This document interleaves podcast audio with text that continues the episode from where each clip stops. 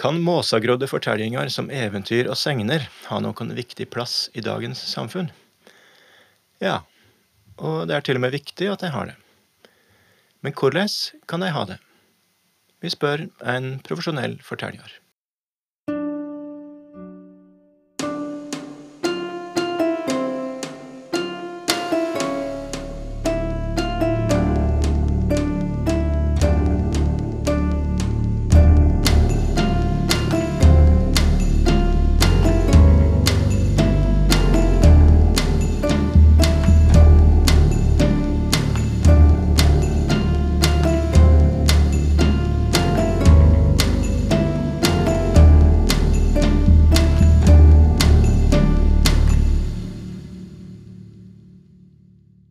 Velkommen til podkasten Tru og meining i gammal tid.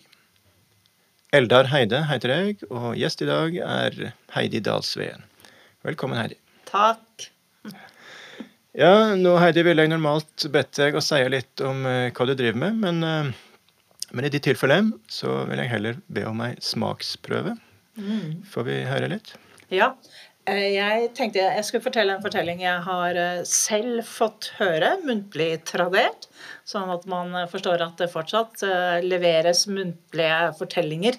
Og det er en fortelling jeg har fått av en kvinne som heter Safia. Og hun har fortalt meg følgende at for lenge, lenge siden så var det slik at kroppen vår hadde en diskusjon om hvem som burde være konge over kroppen. Og hodet som var øverst, sa selvfølgelig at men jeg som er på toppen og som fanger inn informasjon og sender det til resten av kroppen, jeg bør jo være konge over kroppen. Og magen sa men hva med meg som sender næring? Hendene sa hva med oss, vi som fører mat til munnen? Vi og får ting til å skje, vi burde jo være konge over kroppen. Og føttene sa men hva med oss, da? sparka fotball og greier, holde på hele dagen, bære kroppen, kan du si. Vi burde jo være konge over kroppen. Og de ble selvfølgelig ikke enige om hvem som burde være konge over kroppen. Og mens de holdt på å diskutere og, og stå på sitt, så hørte de brått en tynn, liten stemme som sa Hallo, kanskje jeg skulle være konge over Hvem sa det? sa kroppen. Å, unnskyld, jeg har ikke introdusert meg selv. Selv. Eh, jeg, Anus, burde være konge over kroppen. Ja, særlig, sa kroppen. Du som vi sitter på hele dagen, du som all dritten renner ut av. Ikke snakk om at du skal være konge over kroppen. Å, sa Anus.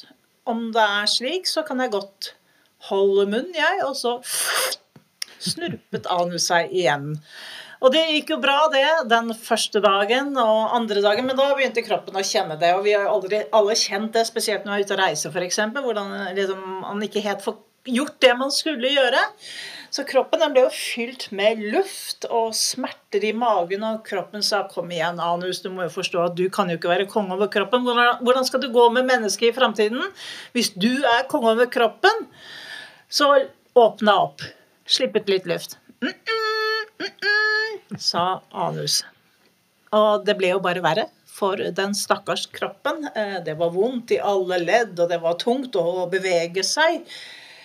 Og kroppen prøvde på ny. Kom igjen, Anus. Bare åpne opp og slipp ut det som er mm, mm, mm, mm, mm sa Anus.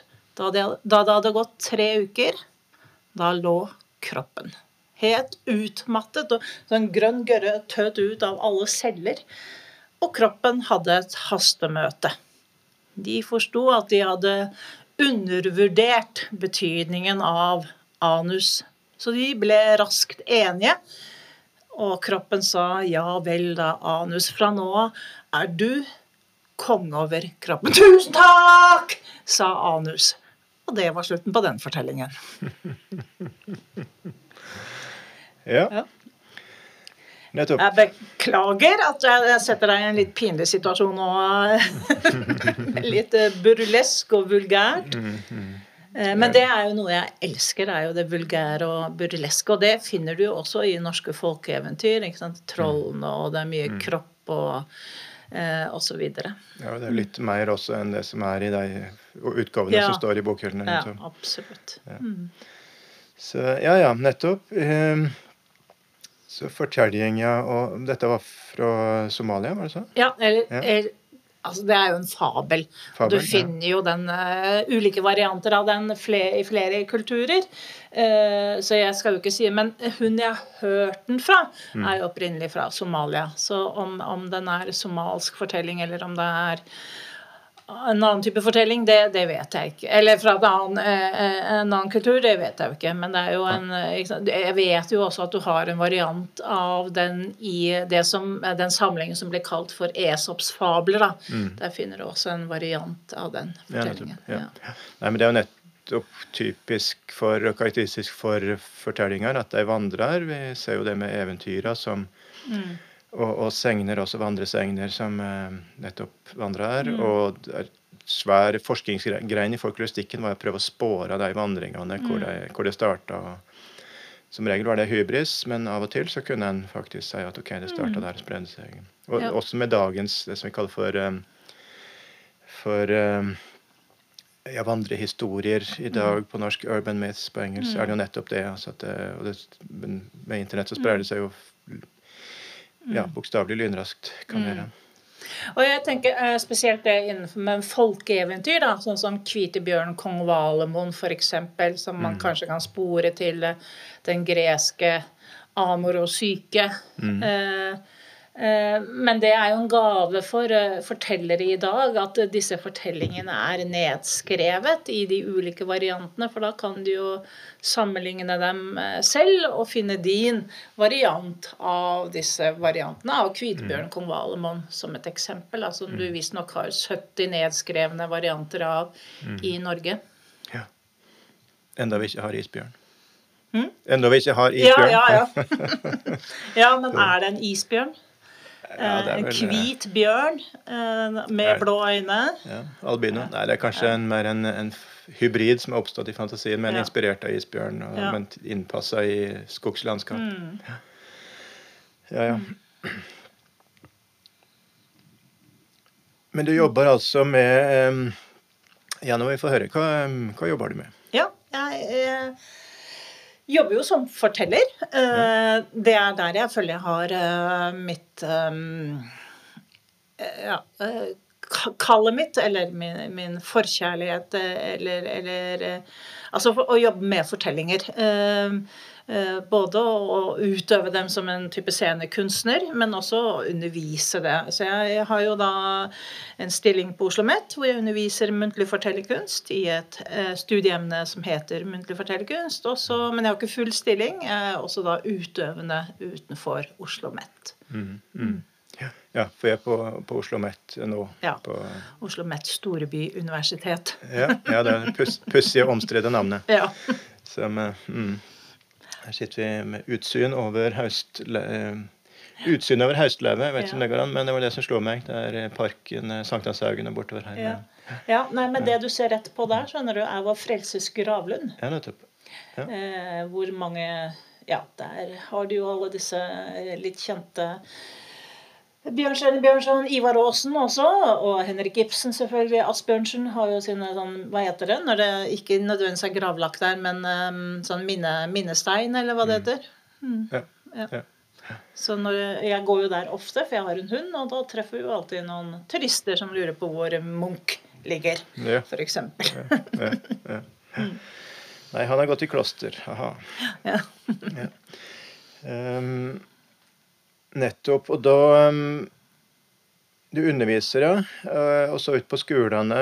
Og, og, ja, først få høre litt om uh, undervisninga her. Hva, hva, hva er det du prøver å lære bort? Det er jo muntlig fortellerkunst. eh, og dette studieemnet, da, som er 30 studiepoeng, det er jo en del av en eh, eh, eh, bachelor i drama og teater. Eh, og der eh, arbeider studentene og jeg med folkeeventyr, eh, autobiografisk materiale og myter. Eh, og alle disse, dette arbeidet de gjør De begynner alltid med folkeeventyr. Med undereventyr, som da er jo en sjanger innenfor folkeeventyr. Eh, eller det egentlige eventyret, som det også er kalt. Og, og grunnen til at man begynner med undereventyr, er at den, de er jo ganske mm, Altså de har en tydelig form Mm. som gjør at man får en del verktøy til å arbeide med andre fortellinger med også. Så vi begynner alltid med norske undereventyr, og da ender det med at studentene drar ut i skolen og forteller da norske undereventyr. Og neste, neste de arbeider med, er eh, det autobiografiske, altså fortellinger bygd på et eget liv. Mm. Eh, som også ender i forestilling, og da gjerne jevngamle eller et voksent publikum. Og så avslutter de med arbeid med eh, å arbeide med norrøne myter, som de også skal ut i skolen og fortelle. Så er, akkurat nå eh, jobber jo studentene med å lage forestillinger eh, ut fra i år, da, Trymskvia, eller Thor mister hammeren, og, og Lokes barn, altså em, spesielt Sleipner, da. Mm. Hvordan Sleipner ble skapt. Også for de i Sleipner. Ikke sant? Jeg, jeg syns jo det er fantastisk med de norrøne mytene. og jeg synes det Utrolig trist at vi ikke bruker mer norrøn mytologi. Altså, nå ser vi jo hvordan populærkulturen eh, Du har jo Neil Gaiman, eh, og du har liksom eh, Thor, The Marvel-versjon og sånt. At andre, andre tar materialet vårt, eller tar, eller utnytter, eller utforsker materialet vårt, mens vi ikke gjør, på det, gjør det på samme måte. Men jeg tenker sånn som slei, myten om Ja, men det er dagens populærkultur, altså Ja. digitale varianter. Ja, tenker på, ja. At det blir at det har et potensial som en Det er nettopp altså at det er lett å tenke at nei, dette er noe utdatert, ja, uaktuelt. ja. Men så ser en jo og, og tendensen i, i både skole og, og akademia er jo at denne typen stoff Mm. eh, havner i bakleksa. Ja. Men så er det jo internasjonal populærkultur som, som ja, demonterer Ja. den ideen. Mm. Det er bare tull. Dette er aktuelt, det har appell, det, det i, vår, i vår tid. Ja, og jeg tenker eh, Loke-karakteren som du kan mye om, eh, er jo så interessant. Han er jo så aktuell. Han er binær, eh, ikke-binær, ikke? Ja. kan endre kjønn eh, osv. Men, men i myten om Sleipner så har du den Den begynner jo med at de skal bygge en mur. Mm. Eh, og jeg tenker det er jo så mange som har forsøkt, forsøkt senere å bygge denne muren. som de eh, Det slår jo helt feil ut. Hvorfor skal du beskytte deg med en mur? For når du bygger en mur, så stenger du deg selv inne også. Eh, så du tenker på Trump i USA og Ja. andre. Som, Ja. ja. I, i myten, norrøne myten så er det jo gudene som vil ha mur mm, mellom seg og jotnene. ja. Ja. Mm. Mm, ja, jeg avbrøt deg. Du var eh, i gang med å det var fortelle det jeg om skulle eh, si.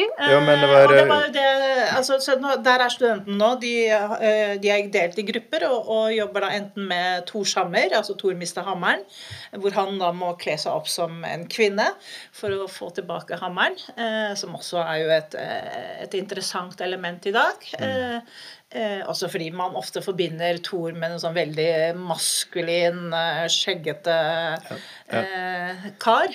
Ja, veldig kraftkar. Nei, det jo helt, må ha vært helt hysterisk morosomt Ja. i den kulturen med, med de trange mannsrollene en hadde. Ja, ja. Så um, Og nettopp på Trymskvia, det er jo et dikt som nærmest eh, roper på dramatisering. Mm. Framfor meg, framfor meg.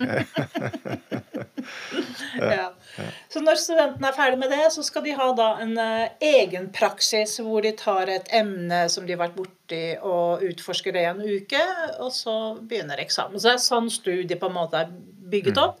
Men, men eh, målet er jo at de skal eh, få en del verktøy til det å, være, å forstå hvordan muntlighet eh, opererer, og, og hvordan disse tradisjonelle fortellingene og moderne fortellinger også eh, er, har potensial, men også, man må også være klar over farene ved, ved eh, fortelling også. At, eh, at eh, fortelling forenkler jo ofte eh, et syn, ikke sant? Eh, Og fortelling kan også misbrukes. Eh, som for så vidt også kanskje være, kan være en grunn til at man ikke tar så mye norrøn mytologi, f.eks. For eksempel, fordi det ofte er blitt forbundet med, med for enkelte av oss et misbruk. At man har litt berøringsangst. Da. Ytre høyre, ja. Ja. Det er dessverre eh, konstant problem for, eh, for oss som jobber med det her, selv om Mm. det var det var verre før. For en eh, 20 års tid siden. Mm. Det, er, eh, det har eh, Gudskjelov.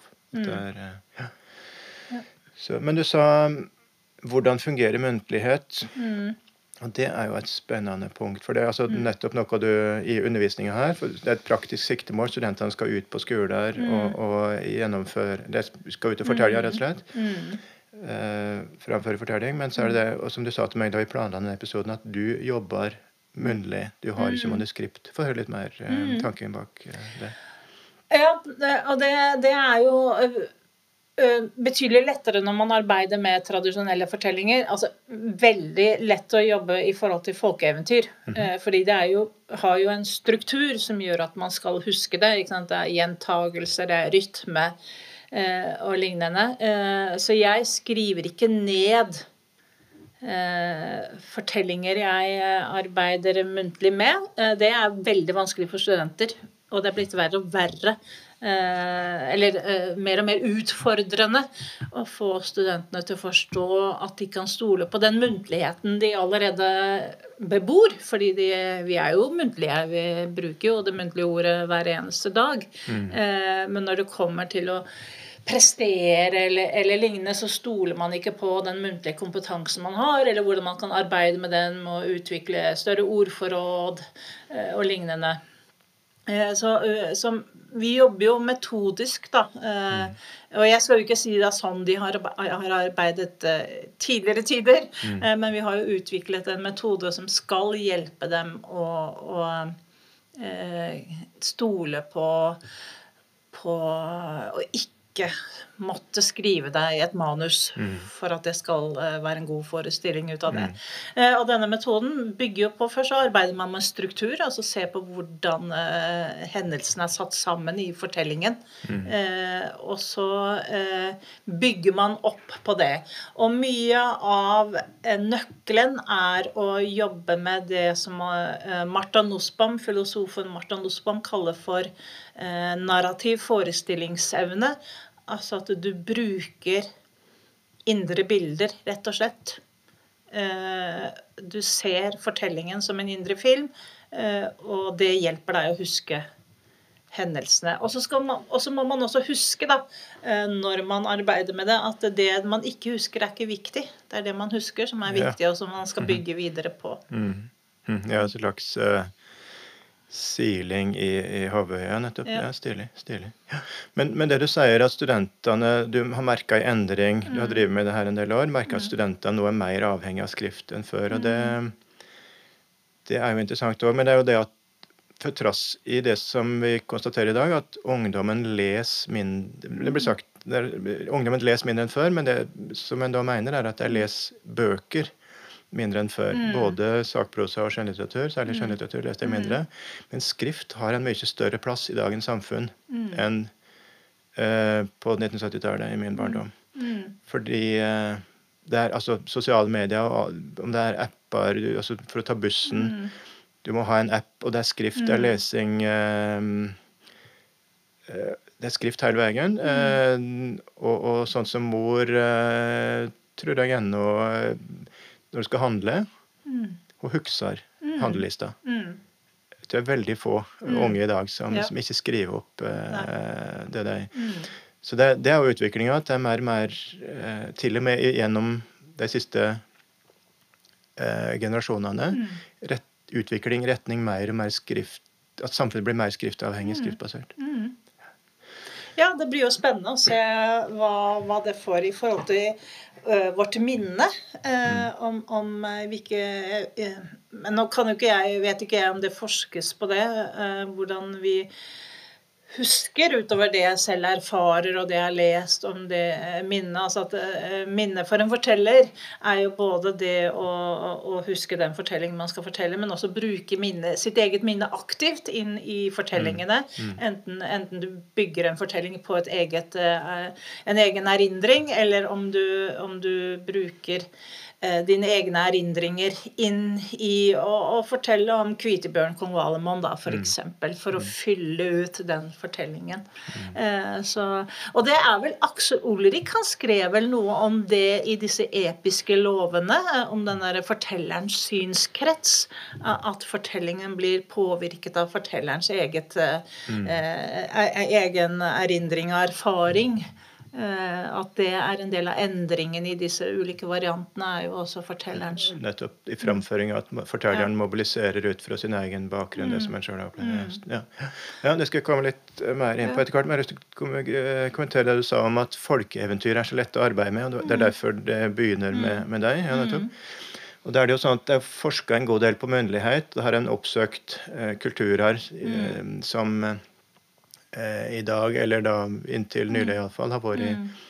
munnlegg, Og det en konstaterer, er at det er eh, når kult... Altså en må jo ha eh, Det er jo tekst, altså lovtekster, og det kan være andre viktige mm, ting som skal formidles språklig. eh, og da er det bygd det, det som en da har, er bygd opp på den måten du skisserer fra, fra folkeeventyra, med gjentaking. Mm. Og eh, altså det viktige blir altså med tretallslova og sånne ting, at det blir eh, Du har alliterasjon eh, kan være for å framheve viktige ting, men ikke minst det som i folkeeventyret, at det er én tanketråd. Mm. Det, det er ikke sånn som ja, um, I ei akademisk avhandling i dag så har du underordning. Du har hovedpunkt, og så har du innrykk, punkt eh, 112, punkt 113 osv. Den typen underordning får du ikke til når du skal framføre det munnlig og huske det. Nei.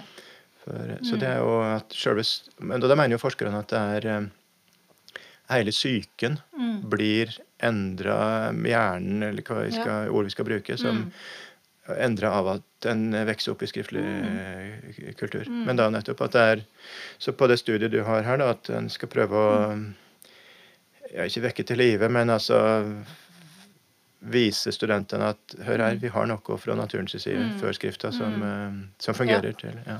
Ja. eh, Det er jo ikke så direkte uttalt som du nå, nå sier det, Ja, nei, men, men- men det burde jeg jo kanskje si.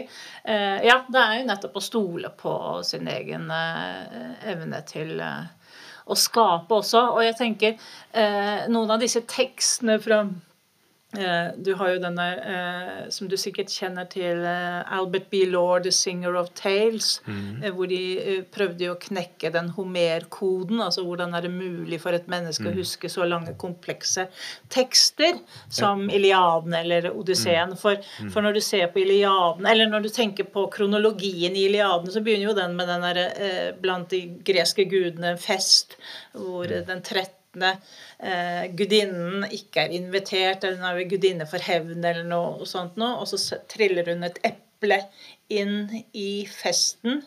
Uh, og på det eplet så står det 'til den vakreste'. eh, og da er det Hera og Athene, de tre gudinnene Hera, Athene og Afrodite som krangler om hvem som skal eple, og ingen guder vil blande seg inn i den krangelen, for de vet at det kan føre galt av sted. Og så får de da denne gjetergutten, prinsen Paris, Paris, eh, til å velge, og kvinnen de tilbyr hver sine goder, hvis han velger en av dem. Og så er det Afrodite som tilbyr den store kjærligheten, og, og det velger han jo selvfølgelig, men hun er jo gift. Helena er gift, og så er krigen i gang. Eh, Så det er jo kronologien på oppstarten. Men når du leser Iliaden, hvis den er skrevet ned slik den ble fortalt av en rapsode, så begynner den jo ikke der. Den begynner jo med Akilles, en av krigernes, eh, raseri over å ha eh, mistet sin elskede. Eh, og, og det de fant ut annet, er jo at disse eh, skallene, som vi vil kanskje kalle det, de fortalte jo for folk som kjente materialet. Ja. Kunne, kunne alle historiene fra Ja, før. så da gjaldt det å fortelle det på en ny måte som ga et nytt perspektiv Mm. inn i det. Eh, men da bruker de jo sånne faste scener, f.eks. At det er scener som går igjen, men som er ulike karakterer da, Mm. eh, i scenen. Og også eh, rytmer og rim, selvfølgelig, for å huske Mm. Ja, jeg skulle sagt i stad, eller forresten føyd til i stad det med Aksel Olrik, altså en legendarisk dansk folklorist, spesielt aktiv første tiåra på 1900-tallet. Mm. men, men da eh, Lord, ja, The Singer of Tales, det er det sørslavisk tradisjon som de studerte eh, ja, tidlig på 1900-tallet, var, det- var det vel. Der en, hatt en hadde fram til da iallfall en, en levende tradisjon med, med veldig lange eh, fortellende sanger. Eh, og så var det spørsmål hvordan ja, husker, um, husker da de som framfører sangene, ordrett hele, altså så mange strofer. Nei, så begynner jeg at nei, det er, det er en slags improvisasjon med formler som en, Mm. eller sjablonger som en stempler inn og så ut fra et repertoar. og så er det- Men historie husker jeg, så er det aldri likt fra, fra gang til gang. Så er det, Når det gjelder norrøn mytologi, så har jeg diskutert eh, Edda-diktinga. Har det vært sånn her? Og det var det jo en del som trodde en stund, men nå er vel det avvist. at Nå tror jeg på mye mer ordrett eh, tradering, mm. som det gjerne er med mer religiøse Mm. tekster. Jeg synes jeg er andre steder i verden ja. Ja. Så nei, nei, men iallfall det er teknikker eh, Det har det vært her uansett, da, med, Mm. med for å huske stoffet når Mm. du ikke, ikke har det skriftlig. Mm. Med studentene, da, eh, hvordan fungerer det? Jeg, jeg, de er flinke, altså. Eh, eh, men det tar nok eh, De vil nok alltid være Det må man jo bare erkjenne. at vi, Hvis du tenker skriftlighet, så vil nok det alltid være til stede. Det er vanskelig. Det tar nok flere år, og disse studentene er ikke nødvendigvis De tar jo ikke nødvendigvis studiet fordi de ønsker å bli forteller, mm. men fordi de vil bruke teknikken i en annen sammenheng eller, eller lignende. Så, så, men de som ønsker å satse på muntlig fortellerkunst, eh, som jo det er noen som gjør, de, de får jo en stil og en form etter hvert som, eh, som eh, kan kalles muntlig, eller, eller eh, ja. Mm. Ja, for du foretrekker å ikke ha manuskript, og det er fordi at du mener at eh, det er fordeler med det. Du, du vinner noe på, på det. Kan du si litt mer om det? Eh, det er ikke det at jeg ikke foretrekker å ha manuskript. Nå har jeg jo selv begynt å, å, å eh, eh, gå litt i lære her og der for å lære meg å skrive. Men, men jeg er, har nok, det har nok vært lettere for meg å arbeide muntlig enn, enn å arbeide skriftlig. fordi jeg får større tilgang til fortellingen enn hvis jeg skulle begynne å skrive den ned. Og så kan man jo si at jeg får kanskje ikke utviklet eh, et språk på samme måte hvis jeg hadde vært mer skriftlig. Kanskje jeg kunne hatt større variasjon f.eks. i ordforråd enn en, en når jeg er eh, Fordi man, når man har jobba så lenge som jeg har gjort som forteller, så opparbeider man seg jo et repertoar, ikke bare av fortellinger, men også av ordsammensetninger og, og så videre. Så man, og, og også fysiske, kroppslige eh, eh, stilistiske eh, eh, bilder som, som på en måte kommer på et gitt punkt i fortellingen, uavhengig Fordi jeg bruker bestemte ord, så kommer en bestemt bevegelse, f.eks. Så, det, så det, det har jo sine begrensninger også eh, i å være eh, så muntlig som jeg har prøvd å være. Men jeg lærer jo mye raskere. Du lærer raskere. Ja, når jeg er eh, en fortelling. Jeg, og det hender jo at jeg ikke har tid til å, å gå veldig i dybden på en fortelling, fordi jeg skal ha rask en fortelling. Jeg er jo ofte ute i skolen og forteller for de samme klassene om og om igjen, og da må jeg stadig ha nytt repertoar. Eh, Så da er det jo mye lettere å lære den ved å lære strukturen og så improvisere over det. Ja, nettopp. Så det er en, en teknikk. Men, eh, men så er det vel er det kanskje sånn at når målet er framføringa, så må du ha det tilgjengelig. Og i framføringa kan du ikke ha manuskript. eh, Nei, så det nei, måtte være for, nettopp. det- ja, så det er for at du skal ha det lettere tilgjengelig, lagra mer i den skuffa i hjernen som Ja. ligger litt nærere. Ja. Noe sånt. At det er for å eh, få det mer spontant, eh, mer Ja. levende ut. Ja. Ja, og så gjør man jo ofte valg hvor man arbeider med kanskje samme type tematikk i fortellingen over en periode. Altså eh, at man arbeider med, med folkeeventyr f.eks. som har troll, eh, fordi da har man bilde av trollet allerede, og da er det lettere å, fortelle andre fortellinger med litt den samme dynamikken da, eh, i fortellingen. Eh, Ja. Troll, ja. Vet, alle studentene vet hva troll er. ja. Ja.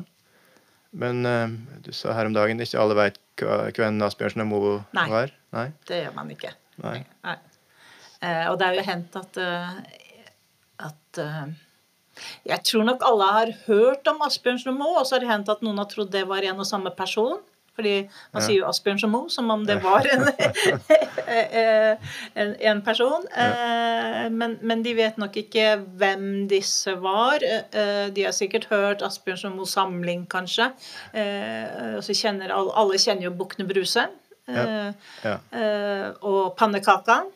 Som jeg syns også er flott at alle som vokser opp i Norge, får møte Så vi har noe felles kulturelt i vår, eh, vår eh, eh, bakgrunn.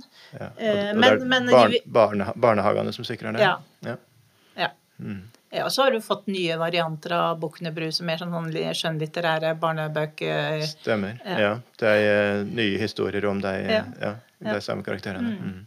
Eh, Men nei, eh, så folk vet nok ikke hvem Asbjørnsen og Moe Og det Jeg tenker det er jo utrolig eh, For alle vet jo hvem Henrik Ibsen er. Ok. Gjør man ikke det? Ja, ja det Jeg, tror spesielt Peter Christian Asbjørn, Peter Christian Asbjørn At han ikke har fått samme status som uh, mange av de andre Jeg hører fra litt litteraturvetere jeg kjenner, at ikke alle litteraturstudenter hvem, eller har hørt om Karl Ove Knausgård. Nei, det stemmer vel ikke. Nei, altså. Ja, det er underlig, men Ja. Ja, nei.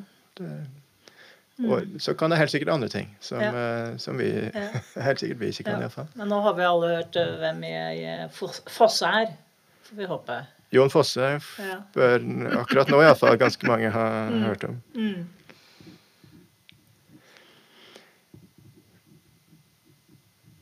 Ja.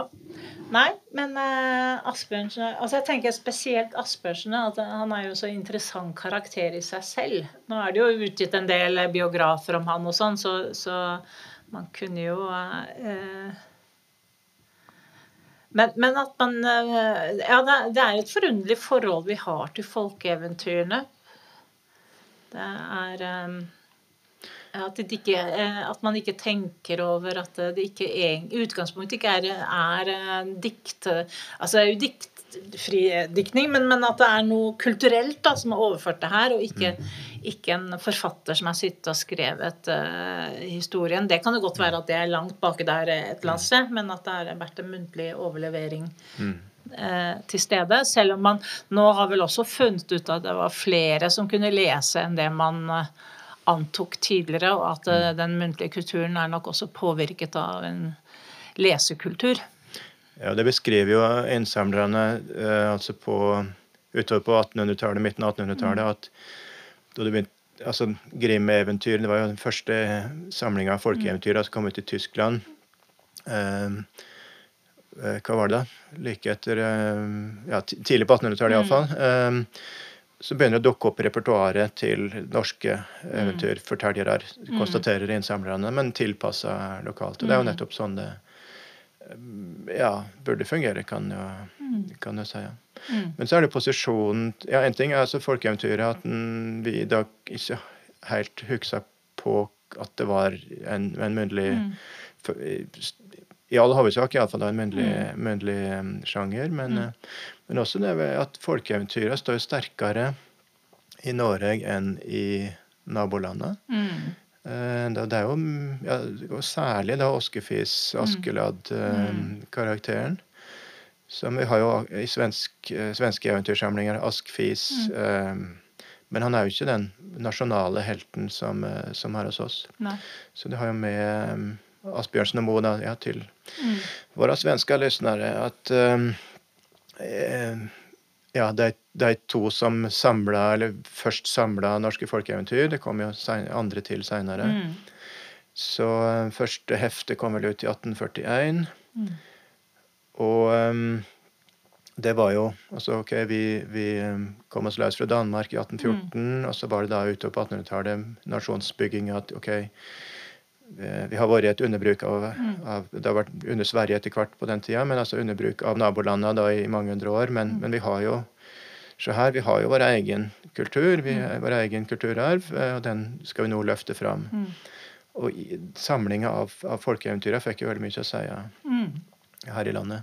Som, eh, men, i, men Sverige, som kom fra motsatt kant, og som har dalende stormakt, eh, så var det jo en helt annen situasjon der folkeeventyret ikke kunne få den eh, rollen.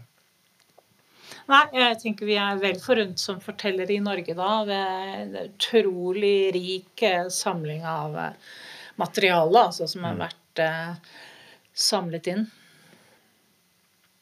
Med det Norske Eventyrbibliotek, for eksempel. For Mm. Asbjørnsen Moe de samlet jo ikke inn fra hele Norge. Eh, men det finner du jo i, en sånn samling som dessverre er rimelig vanskelig å få tak i nå. Mm. Eh, men det heter Norske Eventyrbibliotek. Så hvis du Mm. kommer over et sånn bind på et eller annet loppemarked eller, eller, eller lignende, så må du sørge for å få kjøpt det så fort som mulig. For da sitter du på en verdi.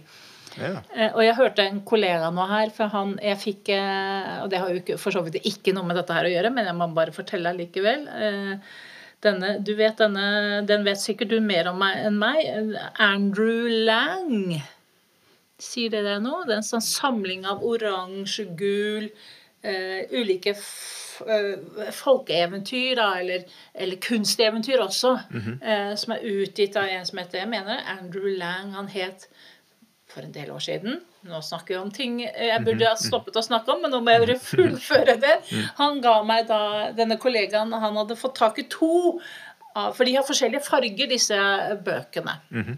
Så jeg fikk en lilla, eh, lilla versjon av ham for noen år siden. Eh, og så mangler han, for han samler på disse eh, ulike fargekodede bøkene. Eh, så han manglet en farge og skulle gå ut og sjekke. Eh, for du får jo ikke tak de, Du får tak i den brukt. Eh, og da var det eh, 2500 kroner, tror jeg, for å få én bok. Oi. Ja. Eh, og jeg har jo merket meg, for jeg har også samlet på eh, Eventyrbiblioteket. Så nå har jeg hele samlingen, men når jeg begynte, så var den jo betydelig billigere enn det den ble etter hvert. Ja, nei, jeg håper å få til en egen episode om eh, folkeeventyr og en episode om folkeviser. For så etter hvert. Men du nevnte det stoffet som du, du, du og studentene jobber med. Det er først folkeeventyr, og så nevnte du eh, autobiografisk stoff, og så, Ja. så myter. Men det der eh, sjølbiografiske, det, det er vel gjerne det som folkloristene ofte kaller memorat eller minnestoff. Altså ting som Ja. S- Sentrale opplevelser i livet til folk, ting som har festa seg, spesielt som de ja. Um, hva er det som er fell...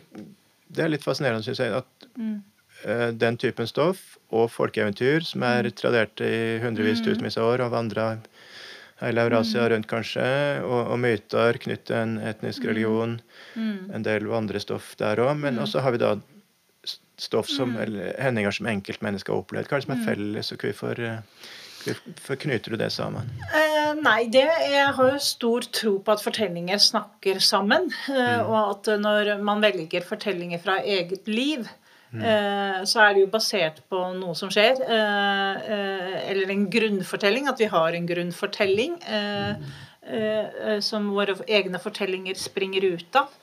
Eh, Så det, men, men de kan jo jobbe mer tematisk enn det. Jeg tenker Folkeeventyrene adresserer jo alltid noe som angår oss mennesker, eh, avhengig av hvordan eh, du ser på det. Ja.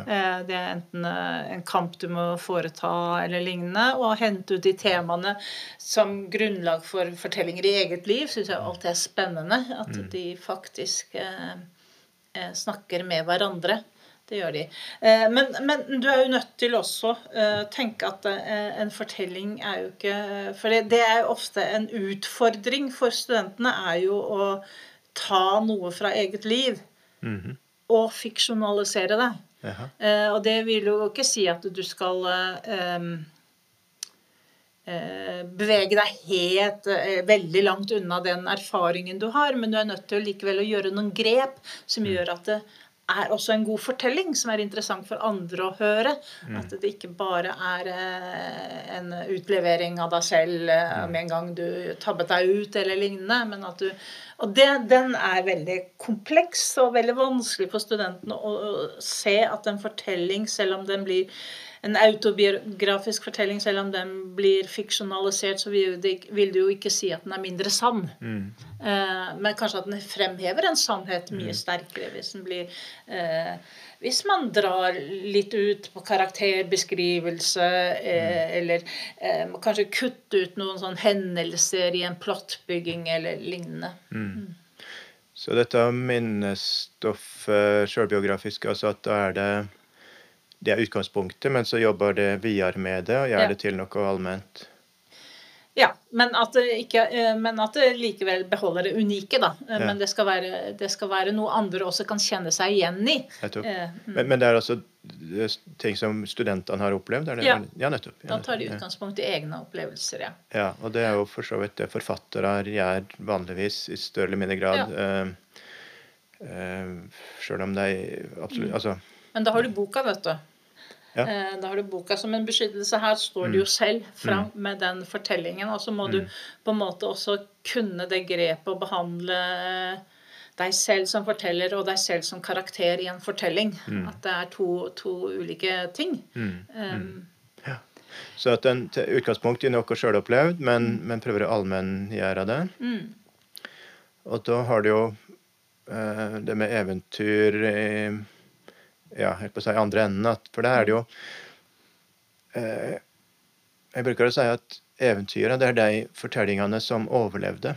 mm, De aller, aller, aller fleste fortellinger som vi skapte eh, Hvis vi da hel, ja, tenker på, på, på litteraturen mm, De er jo glemte om 100 år. mm, Men eventyra det er de fortellingene som overlevde, som ikke ble Mm. glemte. mm, På- Og hvorfor det? Jo, det må jo være fordi at de rommer noe dypt allmennmenneskelig mm, som gjør at, uh, at de appellerer til oss Mm. og alltid kommer til å gjøre det, fordi Mm. at DNA-et vårt er det samme. Ja. Og det er ja, Mm. forma gjennom hundrevis, tusenvis av Mm. år. Så, mm, så det er veldig stilig at, mm, at du i din praksis opplever at den fortellingstypen på et vis møter eller har, har eh, altså overlapper med da mm. fortellinger som mm. Eller eh, altså hendinger som, som enkeltmennesket har opplevd. Mm. At det er på en måte Det, det glir sammen. Ja. ja, og så er det jo forsterket av at eh,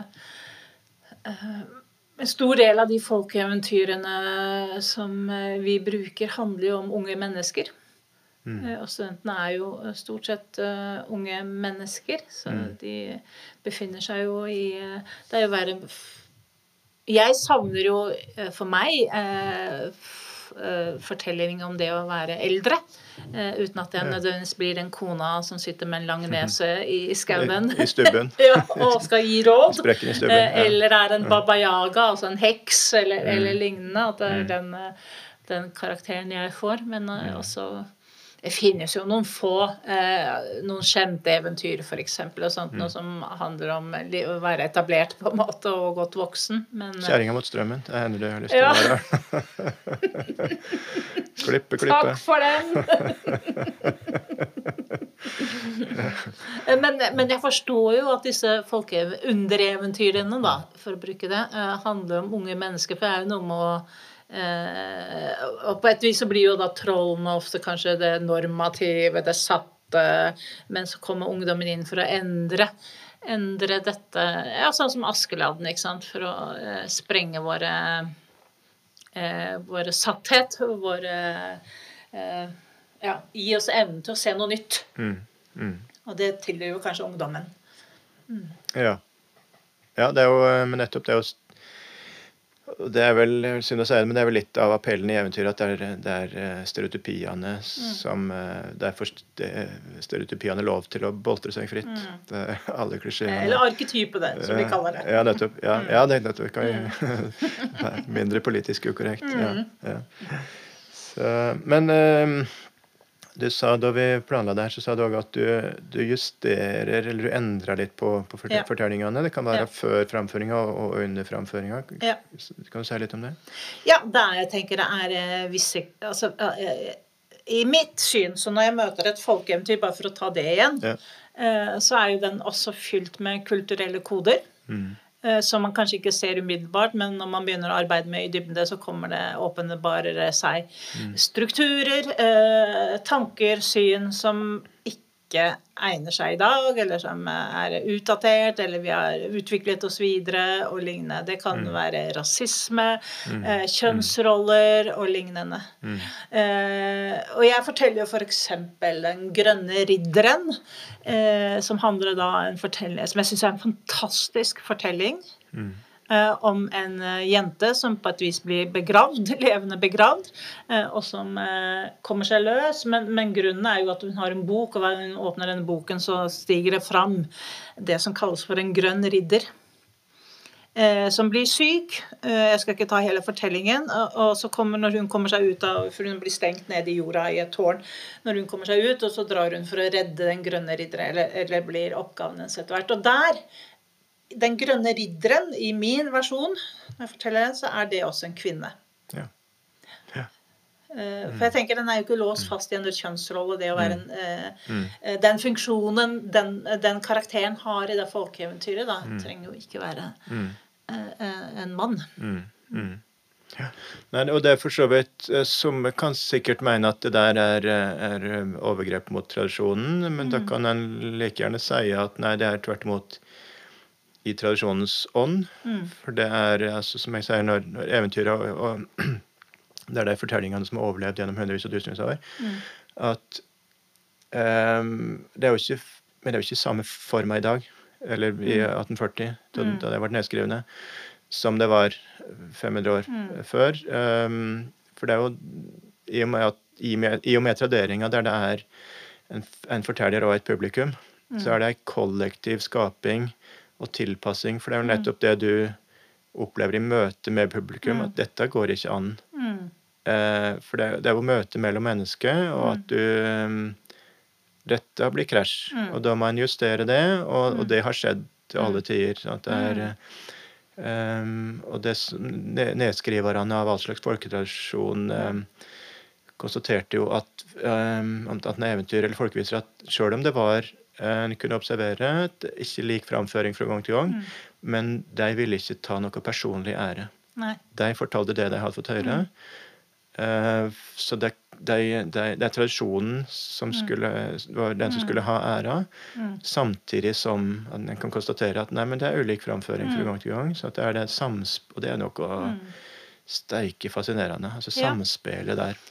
Ja, også, ja, ah, veldig. Og jeg tenker spesielt for å ta de unge igjen, da, i og med at det er de jeg jobber med på, på så, så er det jo sant, Det er jo mye i folkeeventyrene uh, som de ikke kjenner seg selv igjen i. Uh, og det spesielt gjelder jo det kvinnelige studenter. eh, eh, som ikke kjenner seg igjen i de eh, kvinnelige rollene. Og, de, eh, og mange kutter f.eks. bryllupet på slutten. Ja. Eh, hvorfor skal de ha et bryllup med det? Skjønner de ikke helt eh, Nei. poenget med For det er ikke noe de har eh, tenkt at være, Hvorfor skal man gifte seg på død og liv? Er det Mm. det viktigste i livet? Eh, Eh, Nå skal han heller gifte seg etter å ha vært samboer en tiårs tid. ja, og var ferdig utdanna. Ja, det er ikke der det starter. Nei. Nei. Men, eh, men du kan òg gjøre tilpasninger i møte med publikum, Mm. som er, endringer som ikke er planlagte. Ja. Hva, hva kan det dreie seg om? Det, det går ofte ikke på eh, Det er veldig sjelden det går på selve strukturen i fortellingen. Mm. eh, at den beholdes. eh, eh, at når den har en oppbygging, så beholder jeg den. Men det kan gå på eh, ord jeg bruker, det kan gå på hvordan jeg fargelegger fortellingen, det kan gå på tid. Eh, At noe eh, må jeg fortelle raskere brått eh, fordi jeg har dårligere tid, eller noe må jeg utbrodere for jeg har plutselig bedre tid. Eh, Så det går på sanne endringer, eh, og ikke på selve strukturen av fortellingen. Eh, Det er det sjelden jeg gjør. Mm. Men reaksjonen ifra, ifra publikum, kan den justere Eller sånn Ja, at ja, du, du, ja. du vet, merker at Ja. nå Ja, og yngre, jo yngre lytterne er, jo mer direkte er de jo i sin reaksjon. Jeg hadde jo igjen hadde, I 2021 så var jeg på turné i barnehager med eh, en norrøn myte. Mm. Det var eh, Thor og Rogne. Mm Eh, og der er jo lagt inn annet, for den, den myten åpner jo med at Odin er ute og reiser. Mm. Eh, og kommer til Utgard. Og han reiser jo på Sleipner. Mm, Hesten. Ja. Hesten. Eh, hesten Sleipner. Og hesten Sleipner har åtte bein. Yep. Eh, og det gjentar jeg ganske ofte i begynnelsen for at de skal få inn begrepet Sleipner. Sleipner har åtte bein, Sleipner har åtte barn. Eh, og da er det brått et barn som reiser seg opp. Eh, -hmm. jeg vil tippe en eh, tre-fireåring, en gutt, eh, med litt sånn morgentrøtt hår. Altså håret står i alle kanter, for han har sikkert ikke villet børste seg på morgen. eh, og sier da at det stemmer ikke. En hest kan ikke ha åtte bein. For en hest Han har vært på bondegård, nemlig, og der så han både hest og sau. Og de hadde ikke åtte bein. Uh, og da må jeg justere det. Uh, ikke at jeg justerer hesten, men jeg må gi en inngang til at de skal forstå at dette er en annen virkelighet enn den virkeligheten vi umiddelbart møter når vi eh, Men at eh, man brukte fantasi eller, eller lignende for å få gi et bilde av denne hesten Sleipner. At den, eh, det var jo tross alt en hest som var veldig spesiell, eller ikke genmodifisert, men eh, altså, Ja. Det skal ikke se bort, fra. Nei. Ja. Um, nettopp. Ja. Sånne ja, justeringer som, som må gjøres. Da. Men generelt, hvordan reagerer ungene på måsagrodde fortellinger? Eh, Det er jo en gave, eh, tenker jeg. eh, Fordi de både er Altså, det er fantastisk å fortelle for barn. Fordi de er så direkte i sin tilbakemelding. Og de protesterer, og de er med, og de heier, osv. Så, videre. så Så de eh, Møtet mellom eh, denne verden og barn er jo liksom uovertreffelig. Det er jo det mest sterke man kan oppleve som forteller, er hvordan de deltar. Eh, uten å miste at de faktisk altså er Men at de deltar med sin eh, forestillingsevne. Eh, men selvfølgelig eh, kan jeg jo ikke fortelle for lange fortellinger. Det kunne jeg før, eh, når jeg begynte, men det klarer de ikke lenger. Det Nei, det er mindre kort, Ja, kortere og konsentrasjon. så må du Ja. gjerne være veldig fysisk også. Jeg må være fysisk som forteller for å hjelpe dem å skape bildene. Ja. Mm. Ja. Nettopp, nettopp. Um, Laga bilder sjøl, ja. Du, du mener um, Ja. Jeg veit hva du tenker på. For, kan du forklare det? Hvorfor, eh, du, du ser at det er endring. Hvorfor har det endra seg? Nei, det vet jeg ikke. Det kan jo godt være det du sier, at eh, de ikke har den samme tilgangen til å skape bildene selv. Mm. eh, Jeg er jo ikke en forsker i dette her, så, så jeg, jeg vet ikke. Det kan være at eh, vi har mindre Altså at vi er påvirket av eh, TV, sosiale medier, har mindre Kortere konsentrasjons... Mm. Fordi eh, altså, selv om fortelling er enkelt det å fortelle noe muntlig er enkelt, det er også krevende. Krever mye av den enkelte til å delta i en fortelling. Og det skal man kanskje ikke umiddelbart tenke at det er noe vi alle kan. Eh, For publikum å delta. Det krever krevende, det òg.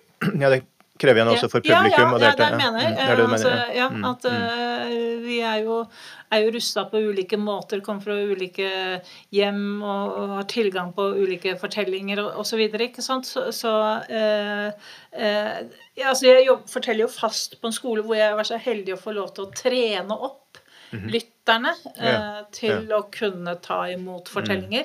Eh, men, men vi skal jo ikke eh, tenke at eh, selv om vi bruker fortelling selv mye i våre liv eh, Vi forteller alltid, men likevel det å være i en sånn fortellersituasjon at det krever noe som kanskje er uvant. Man er vant til å gå på kino, man er vant til å gå på teater, og så møter man en forteller som ikke er så tredimensjonal og så visuell da, som, som de andre. Ja.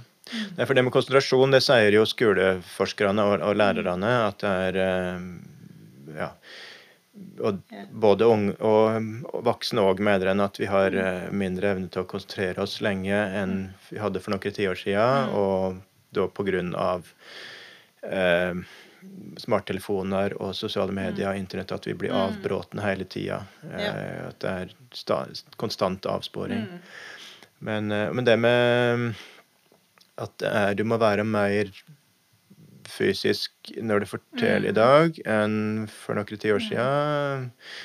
Da er det jo eh, sikkert Ja, nå kjenner jeg ikke forskninga på det, men det vil jo være det er jo naturlig å tenke at fordi at er, en blir bombardert i dag, de som vokser opp Jeg sitter jo veldig, veldig mye, omtrent alle, med, med telefon og ser på om det er YouTube eller TikTok eller hva det er, med, med film, film, film. Der det er både lyd og bilder ferdiglaga. At en da, me- medan da vi var små Um, billedbøker uh, Ja, det er jo også bilder, men, men ikke levende. Men uh, Eller altså lesing, eller å bli Altså høytlesing, eller, eller um, å bli fortalt til. Det er nettopp det, det, har jo, det er sånn som en alltid har sagt, at ja, fordelen med det er, en fordel med det at du, du øver opp fantasien til å skape dine egne eh. Og, og fantasi er vi helt avhengig av. Ja. Eh, fordi det, eh, det, dekker jo eh, Det har jeg lest, lest meg i hvert fall litt Mm. opp på. Det, det, på en måte, vi, bruker jo, vi er helt avhengig av å bruke fantasien hele tiden. Fordi vi erfarer jo ting som ikke Mm. henger sammen. Eh, og da bruker vi fantasien til å, å tette igjen eh, hvordan vi tar inn livet og virkeligheten rundt oss. Mm. Så den må jo holdes ved like og trenes på, ellers så lever vi jo en veldig sånn fragmentarisk virkelighet, da, hvis vi ikke har fantasien. Men jeg, jeg las nokså nylig nå en artikkel i Dagens Nyheter svenske um, om eh, der det ble sagt, og, med, og da vist til en god del forskning som er underlag for det, at både intelligens og kreativitet og fantasi har i vestlige land gått ned siden 1990-tallet. Mm. Og det med intelligens, det har jeg sett eh, det har jeg lest om før flere, flere steder, at det er litt ulikt fra land til land, men det, er, det er etter at IQ-en har, har stiget i en god del generasjoner, så har den nå begynt å gå ned. Mm. Og, og kreativitet had, var det nevnt i artikkelen at det er også en, en kunne Det var en viss test som han hadde brukt, altså det var å se kreative løsninger på, på problem, Mm. der er en vek, nå var det dårligere resultat. eh, gått ned siden 1990-tallet. Og når det gjelder fantasi, så ja, ja, det blir jo veldig mye i retning av kreativitet. da. Mm. Og hva test det var de hadde, det husker jeg ikke om det var, hvordan det var gjort. Men altså, en mente at det var forskningsgrunnlag for å si at vi har dårligere fantasi enn vi hadde for noen ti tiår siden. Mm. Og det er jo ikke så lystelig med tanke på altså akkurat kunst... Ja, vi har kunstig intelligens som skal hjelpe oss med mye, men akkurat fantasien er det den ikke kan Nei. hjelpe oss med. Nei. Der er det vi eh, Mm. Så at vi da, hvis det er sånn at vi rett og slett blir dummere og mindre kreative pga. det vi bombarderer oss sjøl med, så mhm. Ja. Vel, vel. Ja, eh, nei, men vi får gjøre vårt beste på å Ja. å være med på Stå på. Fortell det for eh, ungene. Ja, balansere ut det. Eh, og jeg tenker en, en Man kan kanskje legge til som eh, vi erfarer eh, ofte er jo eh, studentenes evne til å håndtere motstand. Eh, som eh, Folkeeventyrene er jo et veldig godt eksempel på. Eh, De, de protagonistene, eller hovedpersonen, får, blir jo utsatt for ganske eh, Jeg tenker på f.eks. folkeeventyret 'Det blå båndet'. Mm. Eh, og der er det jo direkte mishandling av barn. Og, selv, og der er det ikke engang en stemor, men det er den faktiske moren som, eh, som utsetter sin egen sønn for, for brutale ting. Eh, men likevel så mister ikke han tråden i livet sitt. Eh, for å være konkret. Mm. Eh, og håndterer dette og ender godt. Mm. Og jeg tenker, og det er Marit Akerø, hun er håpsforsker på nettopp det. Altså hvordan folkeeventyrene hjelper og gir verktøy for hvordan du skal håndtere motstand. Og min erfaring med mine studenter er jo at de er litt dårlige på å håndtere motstand i livet. Eh, de Er det curlingforeldra som eh, det prøver å hindre skolen, ja, hele kulturen? Ja. Du helst skal unngå å møte hindringer i livet. Ja, Ja. Mm. Ja. Men, men OK. Og, men her folkeeventyra viser oss at uh, Ja, de gir også noen nøkler på, Mm. på, på at det går jo bra. Eh, Det er jo eh, viktig. Eh, Det å leve er jo nettopp å, Ja. å møte motstand også. Ja. ja. ja, for det er jo grunnleggende i handlinga eh, stort sett, ja. At er, du, du møter en hindring, og fryktelig stor, vanskelig hindring. Også. Mm. Men slik og sånn, så ja, sannelig. Jeg klarte det. Ja. Ja, eh, Det med kreativitet, så er det jo ganske interessant med, med eventyret om Oskefisen, Askeladden. altså Det jo, kan jo skyte inn der. Oskefisen er jo det navnet som stort sett ble brukt i tradisjonen, mens, og Askfis i svensk tradisjon. Men, men eh, det var for vulgært til å trykke på, på 1800-tallet. Så Oskeladden, Askeladden, da, som også eh, fantes i tradisjonen, men, men veldig, veldig uvanlig. Ja. Nei, men han er jo fenomenalt kreativ. Det er jo det der å tegne seg utafor, utafor ramma. eh, I think outside the box. At um, alt det her han samler med seg, og gjør, altså ukonvensjonell tilnærming, både han og, og et, hadde en episode her i vinterens eh, 2023 om, om oskefisen og låke, som overlapper sterkt. At det er nettopp eh, mye den, den her ukonvensjonelle tilnærminga, og, og at den er villig til å, um, å ja, gjøre låg, bruke lågstatustilnærminger. Gjøre ting på, på, som mange vil regne som foraktelig, men eh, ja, rett og slett ikke bry seg så mye om normer og hvordan eh, andre ville gjort det, og, og hva som er skikk og bruk. Men eh, Og det er jo fenomenalt effektivt. Det er jo Oskeladden da, som klarer bare han. Eh, alle andre lander jo i mageplask, fullstendig mislykka når de gjør ting på, på følgerskikk og, og, og gjør ting på vanlig måte. Men han tenker stikk i strid med alt som er av normer, og ja, sannelig, det var løsninga. Plukker med seg da søppel, gamle, utgåtte skosår der, og, og ei daud sjur, eh, og, og hva det nå er. Og, og det er det som, som gjør susen. Så det, så det er jo ganske eh, interessant at eh, akkurat den helten der at no, det, det hemmelige våpenet hans er nettopp det ukonvensjonelle. Det å ja, tenne seg utafor ramma. Ja.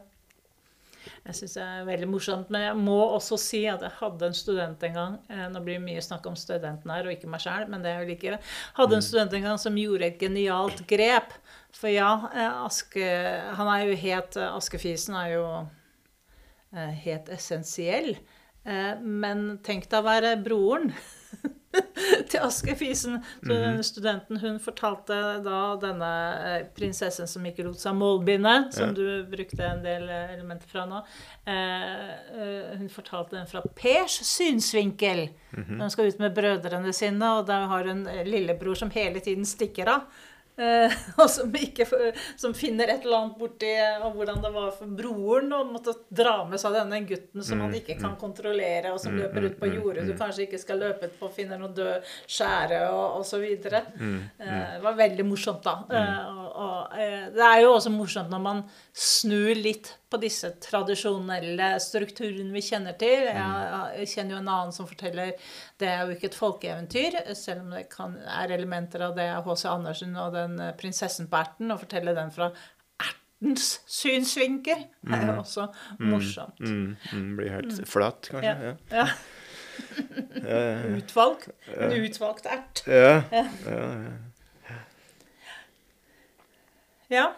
Nei, men absolutt. Eh, Askefisen Lurvehette må vi også da tenke. Hun er jo også en som er eh, en fantastisk karakter, altså. Eh, hun er jo på en måte sånn folkeliggjort Thor. Eh, der Thor, guden Thor, eh, har disse bukkene, rir hun på en bukk, og der han har en hammer, har hun en sleiv. Men de har jo samme funksjon. De jager jo bort trollene, begge to. Mm. ja. Nettopp. nettopp. Ja. Med- Det med gamle fortellinger ehm, hvor, hvor sterkt vil du si at de står eh, i norsk kultur i dag? Jeg, vi har vel fortsatt referanser til det, eh, vil jeg tro, i vårt eh, språk. Mm.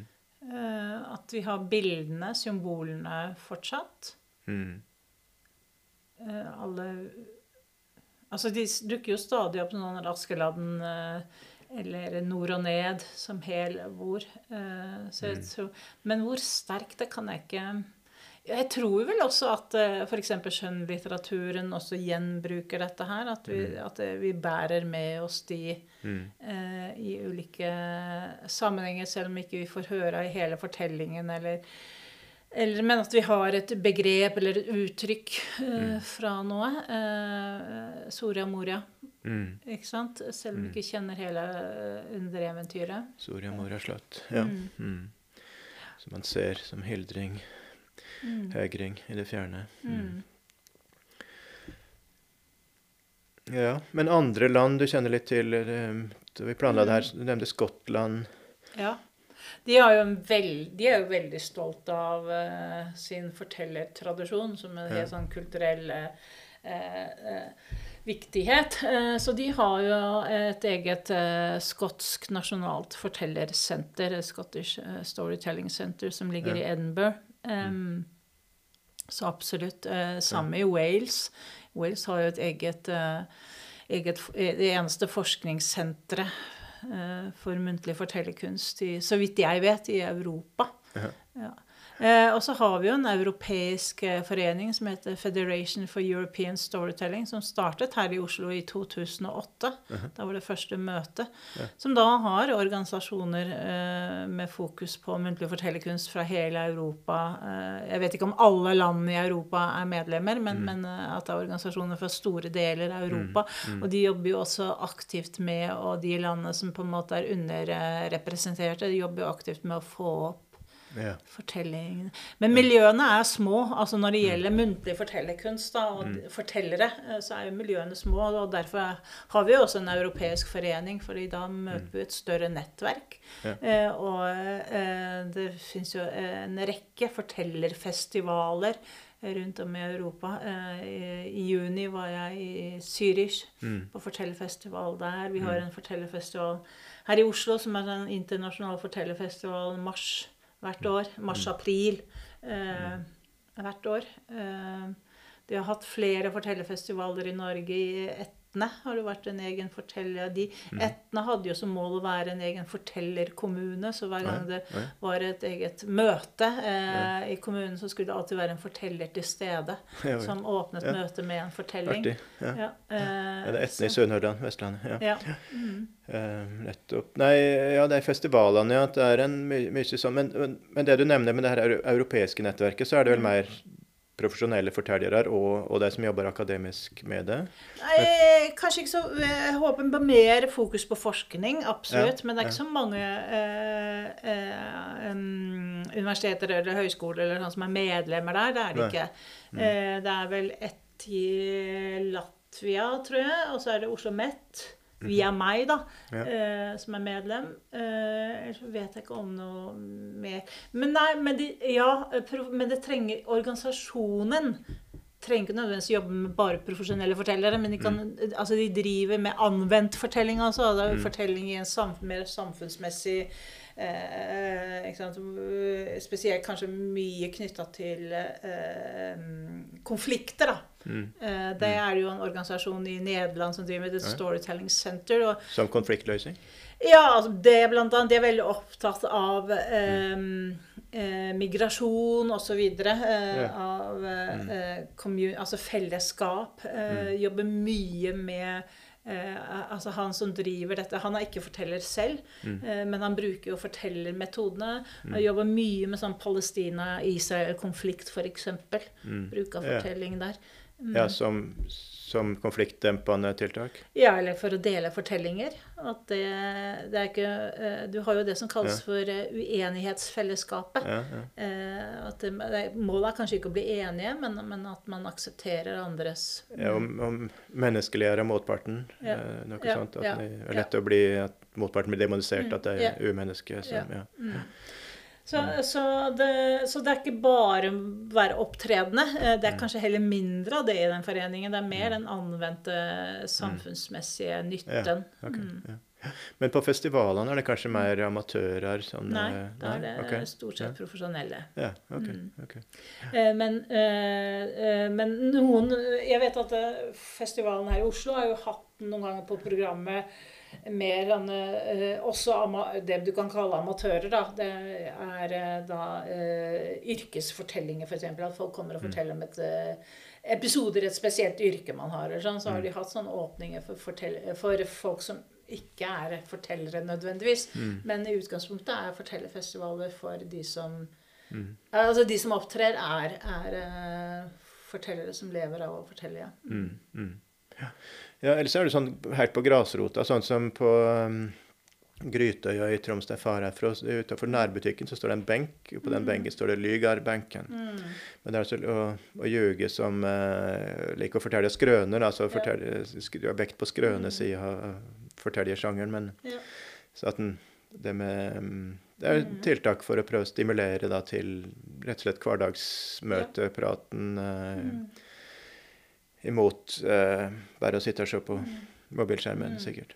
Ja, og i Belgia, jeg husker ikke hvilken, eh, den franske delen av Belgia, der har de eh, et prosjekt som jeg syns er veldig eh, Det er jo at de nyankomne, altså flyktninger og sånt, at de Mm. møter en lokal eh, som De møtes jevnlig, da, og den lokale i denne byen tar med seg rundt om i byen og forteller om sine egne opplevelser knytta til bestemte steder i byen. Mm. Eh, og så blir man både kjent med fortellingen, men også språket og byen gjennom Ja. en sånn vandring to og to. Ja. Nei, men eh, det er eh, Fortelling er jo Det er oss, det. Mm. Mm. Men Heidi, altså du, du bruker jo livet på fortellinger, fortellerkunst. Hvorfor eh, Eller storytelling, er det engelske. Hvorfor, eh, hvorfor gjør du det? Hva er poenget? Hva er poenget? Ja, Sier professoren. ja, ja. Kjenner så dårlig allikevel. Hva er poenget? Nei, altså det, eh, det, begynte jo med eh, Jeg visste ikke at jeg skulle bli forteller når jeg Mm. Eh, studerte drama og teater en gang. Mm. Eh, og så da hadde dette studiet som jeg nå har ansvar for, det hadde akkurat begynt. Jeg spurte om jeg skulle studere noe annet innenfor drama og teater, så, så passet det ikke. Og så spurte jeg om jeg får begynne på det, og så fikk jeg lov til å begynne på det studiet. Og da visste jeg at det var det jeg skulle drive med resten av mitt liv. Fordi fortellinger Altså, det er jo så uendelig av fortellinger. Du blir jo aldri ferdig, du blir aldri utbrent. Og forte eh, nye fortellinger krever noe nytt av deg. Eh, eh, og det gjør at man hele tiden er i utvikling. Eh, og det syns jeg er utrolig ja, eh, fantastisk. eh, Og en gave å få lov til å jobbe med eh, fortellinger. Og, og fortellinger, kanskje spesielt fortellinger som adresserer Eller gir stemme til noen som ikke kanskje har mulighet til det selv. Mm. Uh, syns jeg er eh, utrolig eh, givende. ja. Så um, mm. men, men da er det møte med Men det er møte med pub... Ja, OK, jeg stemmer til noen som ikke har mulighet til det sjøl. OK. Um, og da er det noen som ikke er til stede i fortellersituasjonen, som skaper meninger? Ja, ja, men samtidig så kan det være at det, at det er eh, At lytterne selv får den stemmen, da. Eh, Fordi fortellingen har den. At kanskje det er noe i, blant lytterne, eh, enten det er enkeltindivider eller den enkelte selv, som ikke har turt å adressere et spesielt tema, men som her får anledning til det gjennom fortellingen. Og fortellingen da, Muntlig fortalt er jo åpen, eh, slik at den som lytter, kan jo legge det de Eller trekke ut det de ønsker av fortellingen selv. Mm. Eh, men, men fortellingen gir gjør et forsøk på å gi et eh, språk til noe som kanskje er usagt eller uuttalt eller, eller lignende. Mm. Ja. Eh, så du, ja, du opplever det som viktig, som meningsfullt, ehm, og Men da som både med- tanke på noen som ikke er til stede, men, men ikke minst møte med Når du sier altså, eh, kan legge seg sjøl inn i fortellinga, de, som- de som er til stede og hører. Så, ehm, så det, er, det er det samspillet da med Mm. eh, med publikum og for så vidt samfunnet rundt òg, da, som der, der du finner meninga i det her. Mm. Mm. Ja. Absolutt. Ja. Ja, altså jeg, driver jo Det er jo fortelling. Fortelling er jo ment for å deles. Fortelling er jo ikke sant, det er jo ikke ment for å Da er det jo ikke fortelling hvis ikke den blir delt. Eh, Mm. Så, så absolutt, den må jo deles. Og for min del så er jo det da en muntlig situasjon hvor, eh, hvor jeg forteller eller lytter. Eller begge deler samtidig. Mm, mm. Ja. Men opplever du at at fortelling, fortellingene dine gjør noe med publikum? Ja, noen fortellinger gjør det. Eh, men det er jo ikke alltid Jeg tenker at det er ikke alltid fortelleren har en sånn umiddelbar virkning, men at den kan komme, komme på senere tidspunkt eh, mm. hos lytteren. At den får en virkning da. Eh, og jeg har jo ofte erfart, fordi jeg har fortalt så lenge, at jeg har møtt Eh, mennesker, f.eks. Mennesker som jeg fortalte til da de var barn, som da mm. Eh, kommer bort til meg og sier eh, 'Unnskyld, er ikke du forteller?' Fortalte ikke du da jeg var mm. det, eh, det, barnet? Mm. Og, ikke, eh, og så har det jo vært et sånt øh, for, øh, Oi. Ofte uttrykk Den fortelleren Det er en god forteller, den fortelleren hvis ansikt du har glemt, men husker fortellingen. Ja. Ja. Så det mm. viktige er jo ikke meg. Eh, selv om det er jeg som står og forteller den og har gjort en del valg i forhold til mm. den fortellingen. Men det er jo fortellingen som er det viktige. Mm. Ja. Her, akkurat du som de tradisjonsbærerne som jeg nevnte i stad, at du viser mm. til tradisjonen eh, og tar ikke æra sjøl for mm. fortellinga, sjøl om mm. du sikkert ja, kanskje enda mer enn en for 100 år, mm. for 100 år, 150 år siden, da eh, justerer. Ja. Um, framføringa fra, mm. fra, fra, gang til gang. Mm. Ja. Men gamle fortellinger, er det um, er det, er det, viktig i en større sammenheng? Altså, du nevnte her mellom, eller Vi har snakka om det her mellom, mm. mellommenneskelegen. Er det viktig i en større sammenheng? Ja, jeg tenker ja. det er viktig i forhold til at vi står i en sammenheng. Ja. Og at man blir slått av at uh, ting som man erfarte for uh, Eller man plasserte som en erfaring i en fortelling for uh, Eh, en del år tilbake fortsatt er gyldig. At man erfarer det at eh, jeg er ikke alene med dette her. Det er mm. faktisk andre som har slitt med det samme, eller erfart det samme. Mm. På tvers av generasjoner og tvers av tid, og kanskje mm. tvers av kulturer. Mm. Eh, så er det likevel noe eh, som fortsatt er gyldig. Mm. Som er en trøst eh, og eh, et eh, altså håp. Fylt med håp. Mm. Mm. Så da da mener du kanskje at det er en, en slags allmennmenneskelig kunnskap mm. i de fortellingene? Ja. Så ja. Mm. Og hva kan den kunnskapen dreie seg om? Altså, du nevnte at lignende ting som en sjøl opplever, mm motgang som en sjøl opplever, men, men, men, hva slags svar er det en finner i, i sånne fortellinger? da? Man finner eh, Det er jo sikkert avhengig av det enkelte individet, hva de selv henter ut. Eh, men jeg tror at man finner både verktøy til hvordan man kommer seg gjennom eh, hvis det er vanskeligheter. Mm. Men det, og, det at man ikke står alene. Mm. og at det går bra. Mm. Ofte. Ja. Men det kan også gå dårlig. Håp, ja. Heldigvis. Men mm. ja. Mm. mm. Håp, ja. Og, men, det, men det, er jo, det er jo det å kunne være en, en del av noe større mm. Uten at det er religion. Ja. Men at det er noe åndelig som større, man er deltaker i. Mm. Ja, en større, større fellesskap. Ja. Uh, verdier, ja, normer uh, Men uh, mm. Nei, Oskefis-eventyret, så er det jo det med Er det vel naturlig å tro at i det gamle samfunnet at um, det var lettere å forsone seg med et tungt liv mm. når en kunne drømme seg bort i eventyret at ja, så her, det her mm. er det mm. den fattige husmannsgutten som, mm. som svinger opp med alle og blir ja, så håp Enten det er grunn til det eller ikke. Men er, hvis du mister håpet, så er iallfall ikke det noen fordel. For å si det sånn. Så.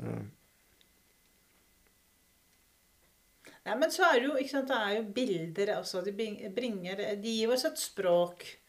Eh, troll. Det mm. å ha troll i sine liv er jo et språk. Troll som metafor? Troll som symbol mm. eller metafor eller naturopplevelse eller lignende, så, mm. så, gir det jo også et bilde på noe vi skal bekjempe. Mm. Ja.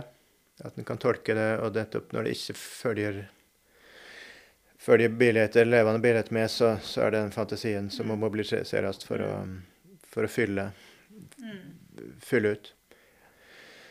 Så ellers er det jo det med Men det gjelder vel historier, fortellinger generelt, enten det er munnlege eller skriftlege, Men så er det jo det å Som blir framheva i lærerutdanninga, der jeg jobber, iallfall, det med å at, og, og, det er vel mye av grunnen til at uh, en jobber såpass uh, iherdig med sånt i barnehagene. Mm.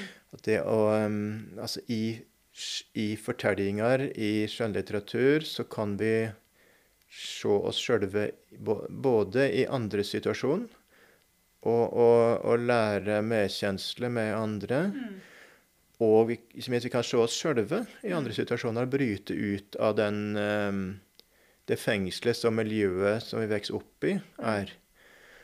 Og det Altså Nei, du trenger ikke bli det samme som foreldre eller det samme som folk i, i, i det gata eller den grenda eller hva det er. Altså, du kan ja, kanskje bli hva som helst, egentlig. Mm.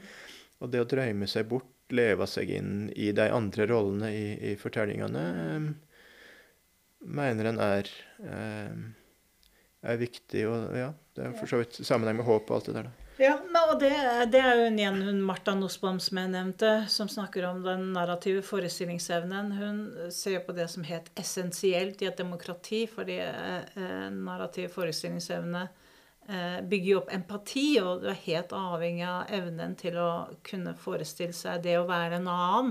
Mm. Eh, er helt ja. uh, essensielt for at vi får et godt samfunn, da. At du mm. kan det. Mm. Ja. Ikke at du nødvendigvis skal identifisere seg det med en annen, men at du skal evne å kunne være, forestille seg det å være en annen. At, men at du ser at det også er forskjell fra deg. Mm. Ja, de er de har det sånn, og de, de klarer ja, le, leve seg inn i andres, uh, andre situasjoner. Mm. Helt, uh, helt avgjørende.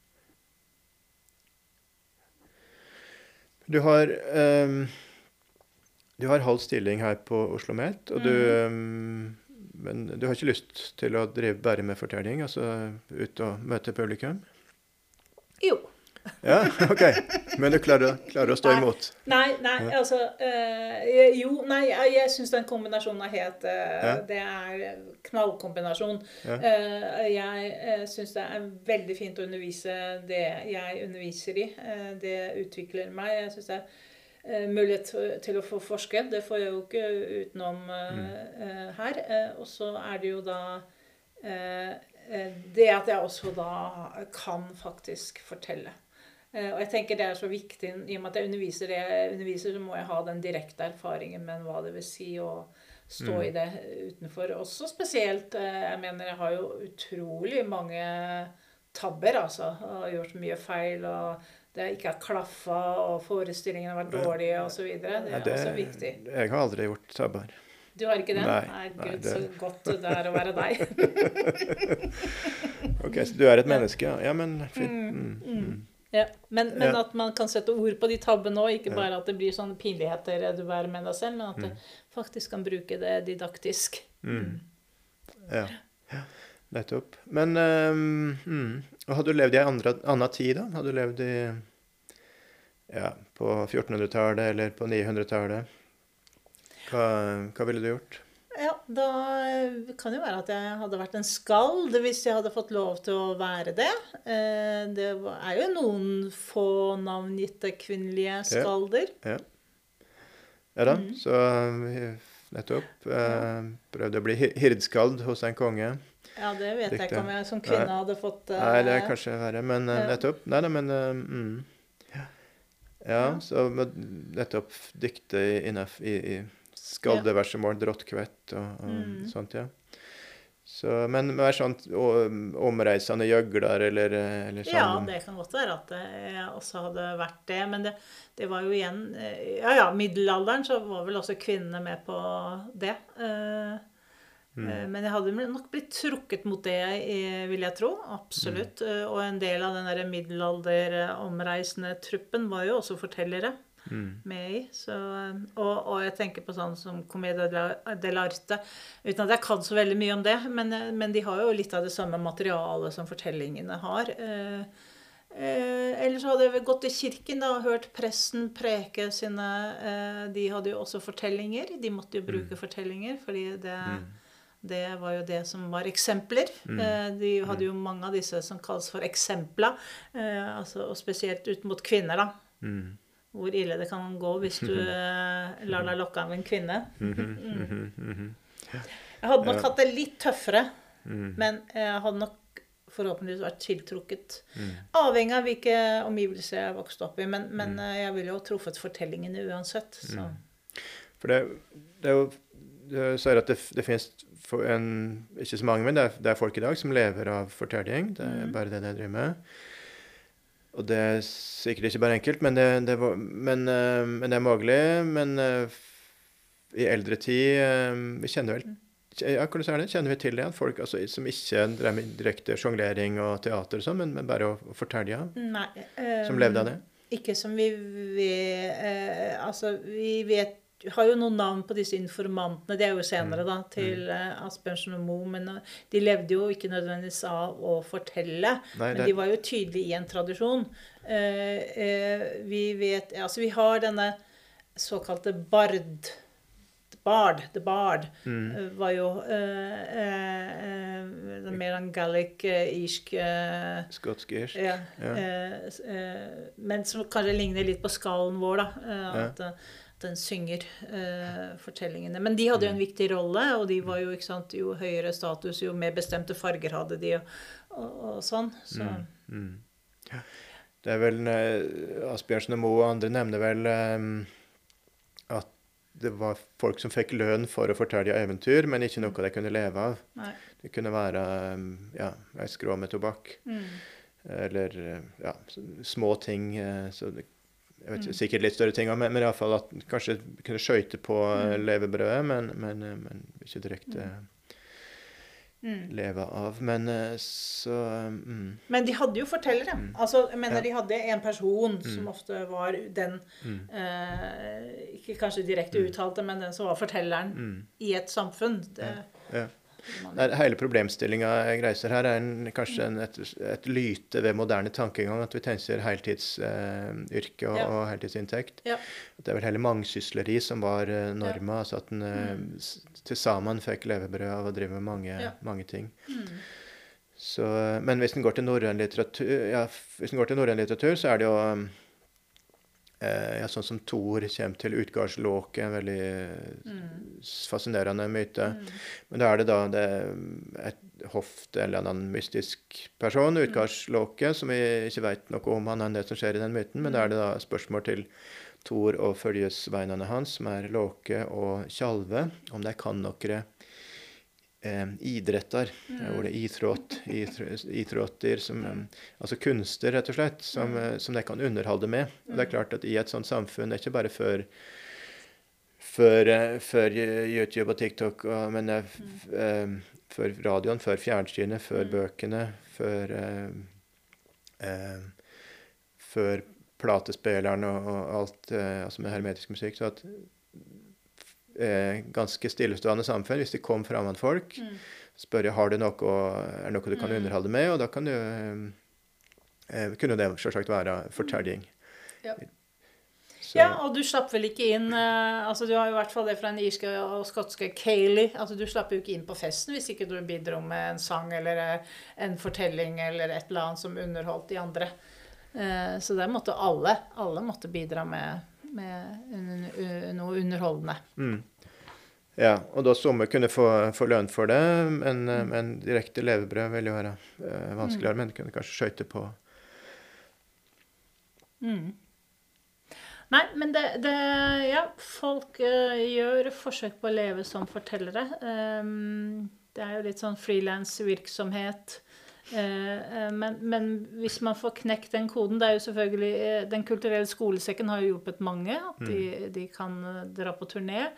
Men å knekke den koden ved å bygge deg opp et nettverk hvor du kan ha Da kan du ha et ganske sånn mange veldig allsidig arbeid. Eh, eh, hvis du får deg et navn som forteller. at både, du, sant, Da får du Du kan i næringslivet ha kurs eh, i fortellerteknikk, eller du kan mm. jobbe på bibliotek. du kan, eh, Så det, det er en spennende, eh, spennende mulighet. Mm. Eh, Men, men du må jo tørre å satse og, og tenke også at du skal leve. eh, Men du blir ikke rik av det. Mm. Mm. Eh, Men det er jo blir man eh, Ja. Jeg har ikke valgt et yrke hvor jeg uansett ville blitt rik om, Nei, nei, nei. nei, nei. For, hvis eh, det er målet i en oljenasjon. Mm. Men det har ikke vært mitt mål. Mm. Nei. Så, og for lærere må det jo være veldig nyttig å, å ha, litt, Ja. uh, ha litt av det her. Ja. Så ja, her, eh, her er vi Vi må begynne å runde av, men her er vi rett og slett ender vi med, med reklame. Det, Ja. Jeg vet ikke om eh, Reklame for å bli forteller? er Ja, ja, ja, men er det Eller vil du Er det kanskje ikke sånn at vil, vil du rå noen Vil du rå ungdommer til å, å satse på fortelling, eller lære seg fortellerkunst? Ja. Ja, nei, altså jeg Det er jo folk rundt om i Norge her som er fortellere på sånne veldig lokale fortellere. Og det tenker jeg er helt fantastisk uh, at de er. At de, og der har de jo det- det- den der mangefasetterte rollen at de både kan, de kan være fortellere i konfirmasjoner, i lokalmiljø, i barnehager, i bursdager. uh, og på den måten uh, har et yrke da, ved å, å være eh, bygdas eller småstedets forteller. Mm. Mm. Ja. Men skal du bli eh, berømt, så er kanskje ikke muntlig fortellerkunst eh, stedet. Eh, og det er det jo selvfølgelig mange unge studenter, i hvert fall innenfor det fagfeltet jeg jobber med, dramateater, som jo begynner på fordi de drømmer kanskje om å spille i en Hollywood-film en eller annen gang i framtiden. Mm. Mm. Ja. Men det kan jo være ei filmatisering av et folkeeventyr, det, da. Ja, det har du vel Eller- allerede gjort. Ja. ja. Det har gjort det her i landet. Har det gjort Ja. det i Hollywood? Nei, jeg tenkte på her i landet. ja, ja, ja. Os Oscar-filmene. Ja. Ja, men ikke bare det. Jeg, jeg syns jo den serien Nei, den filmen eh, 'Troll' på Netflix Ja, ja, ja. Det er fantastisk. Ja, ja, ja, ja, Det er veldig bra. Mm. Og 'Trolljegeren'. ja.